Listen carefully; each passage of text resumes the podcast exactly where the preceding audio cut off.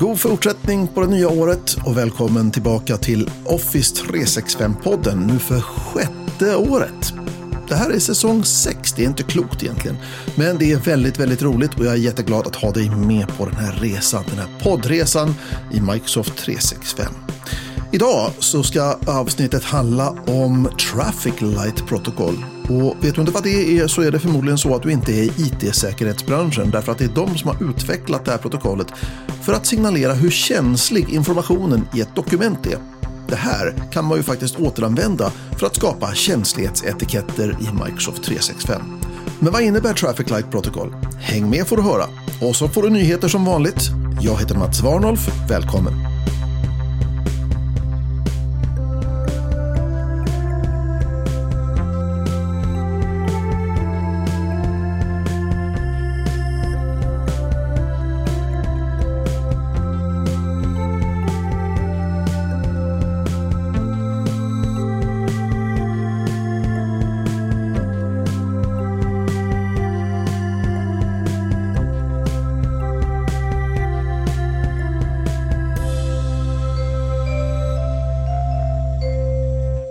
Välkommen till Office 365-podden där vi förenklar din digitala vardag och gör tekniken tillgänglig. Idag ska vi tända trafikljusen och navigera genom en värld av informationssäkerhet. I vardagen, där vi hanterar stora mängder information, kan det vara en utmaning att hålla koll på vad som får delas och med vem. Till vår hjälp har vi bland annat känslighetsetiketter som vi kan märka våra dokument med.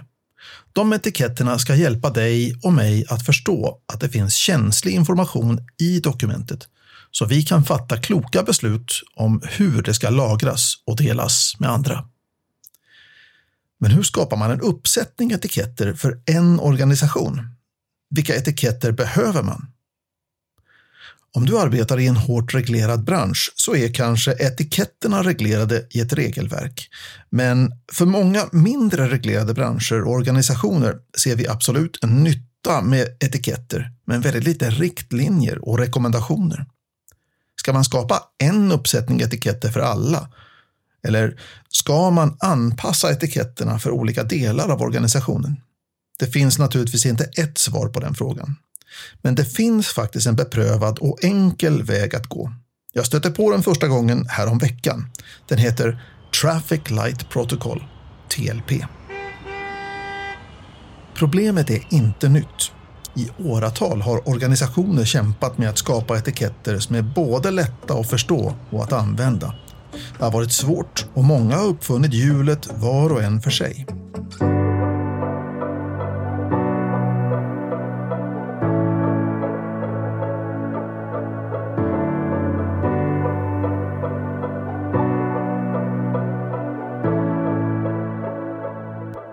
Traffic Light Protocol, eller TLP, skapades 2020 av en amerikansk organisation som heter FIRST och var tänkt för delning av IT-säkerhetsrelaterad information, som till exempel en sårbarhet eller underrättelseinformation om ett hackernätverk. Sedan dess har TLP blivit brett accepterat även utanför IT-säkerhetssektorn. Kanske just därför att det är så tydligt och för att det hjälper oss att förstå hur och med vem vi kan dela information. Tänk på det som trafikregler. De hjälper oss att samexistera i trafiken på ett säkert sätt. I version 2 av TLP så används fyra färger ihop med etiketten för att indikera känsligheten. Röd, amber, grön och klar. Tänk på färgerna som trafikljus där varje färg representerar en nivå av delningsfrihet. Röd är som ett stoppljus. Det betyder stanna här. Information märkt med röd är strikt begränsad och får bara delas med personer som har specifik tillåtelse. Det är som en hemlig ingrediens i ett recept som bara kökschefen känner till. Amber blir som när trafikljusen blinkar gult. I vårt fall betyder det fortsätt med försiktighet. Information märkt med Amber får delas med andra inom din organisation och med kunder och partners som informationen angår, men inte med allmänheten. Tänk på det som en affärshemlighet som kan delas vid ett företagsmöte, men inte i kön på lunchrestaurangen. Grön är som ett grönt ljus. Det betyder fritt fram. Information märkt med grön kan delas i en större gemenskap, även om den gemenskapen är definierad och kontrollerad. Det är som en nyhetsartikel i personaltidningen som är avsedd att läsas av hela företaget, men inte personer utanför. Klar är som en öppen himmel. Det finns inga gränser här. Information märkt med klar kan delas med vem som helst utan restriktioner. Det är som en offentlig park, öppen och tillgänglig för alla. Det finns också en variant på Amber som heter Amber strikt. Amber strikt är en underkategori inom TLP 2.0 som ger ytterligare precision för hur informationen ska hanteras. Medan Amber i allmänhet innebär att informationen kan delas med personer i din organisation och dess kunder och partners så lägger Amber strikt till en extra nivå av restriktioner. Amber strikt är som en varningslampa med en tilläggsskylt som säger endast för utvalda. Det betyder att informationen är känslig och bör endast delas med en specifik och begränsad grupp. Det innebär oftast en specifik avdelning inom den egna organisationen. Den här extra försiktighetsnivån hjälper oss att se till att känslig information inte sprids bredare än nödvändigt. Till exempel inom en kommun får kanske informationen inte delas utanför den egna förvaltningen. Alla behöver inte den här specialvarianten utan klarar sig med vanliga Amber.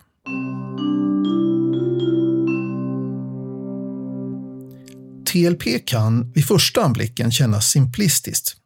Men styrkan ligger i enkelheten.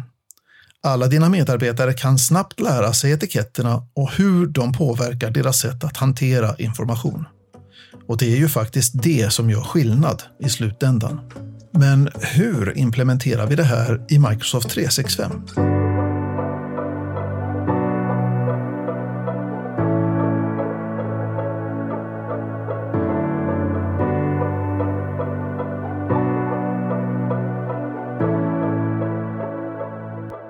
Microsoft brukar rekommendera införande av etiketter i tre faser och det är klokt.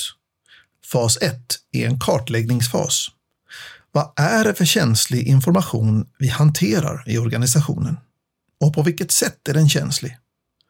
Gör den här kartläggningen inom en pilotgrupp. Identifiera sedan vilken information som motsvarar vilken TLP-färg. Använd sedan Microsoft 365 säkerhetscenter för att skapa och tillämpa de här etiketterna. Det här är fas 2. Och lägg inte in tekniska skydd som kryptering på en gång.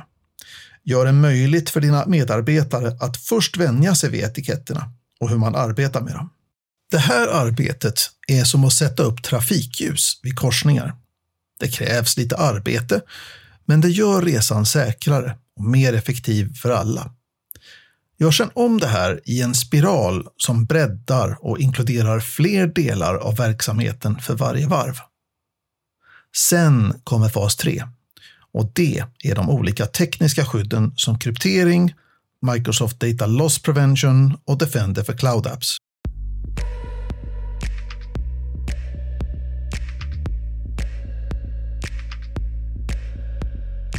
För ett praktiskt exempel på införande med en steg för steg-guide, kolla in itpromentor.com.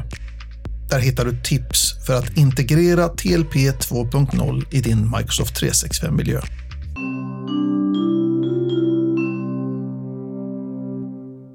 Så, TLP i sig är inte nytt. Det är inte en superlösning för alla problem med etiketter.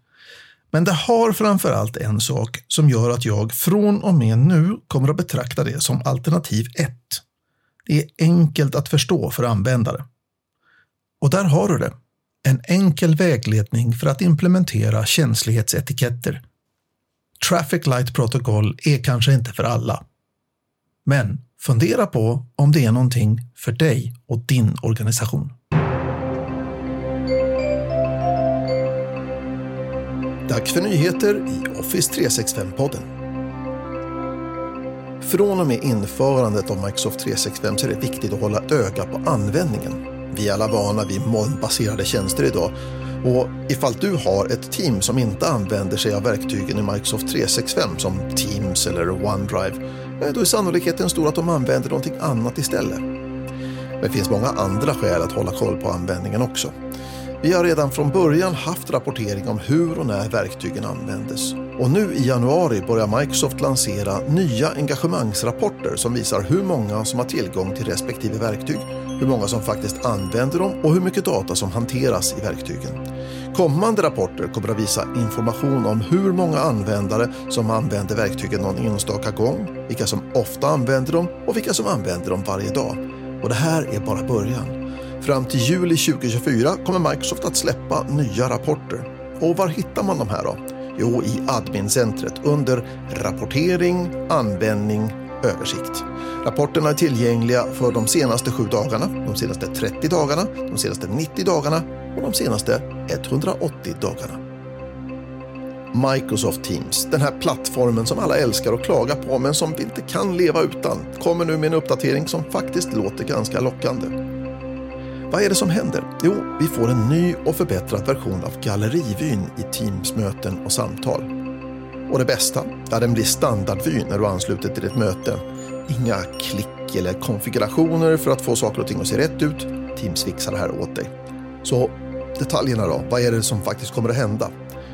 Jo, den här uppdateringen innehåller funktioner som gör dina möten mer inkluderande och anpassningsbara. Det här är några highlights.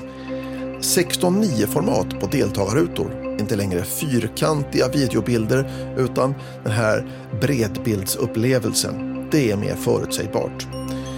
En blandad gallerivisning för både ljud och videodeltagare. Större rutor för mötesrum jämfört med individuella deltagare. Och du själv dyker upp bredvid övriga deltagare i galleriet. Du ligger inte på en liten minibild någonstans och massor av anpassningsmöjligheter för galleriet inklusive storlek, placering av din egen ruta och prioritering av video. Så vad betyder det här för dig och din organisation? Jo, som det ser ut så kommer Teamsmöten att bli lite mer användarvänliga och inkluderande.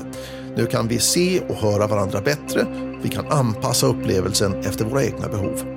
Den här förändringen börjar rulla ut i slutet på januari 2024 och beräknas vara klar och tillgänglig för alla i början på mars. Och det var nyheterna.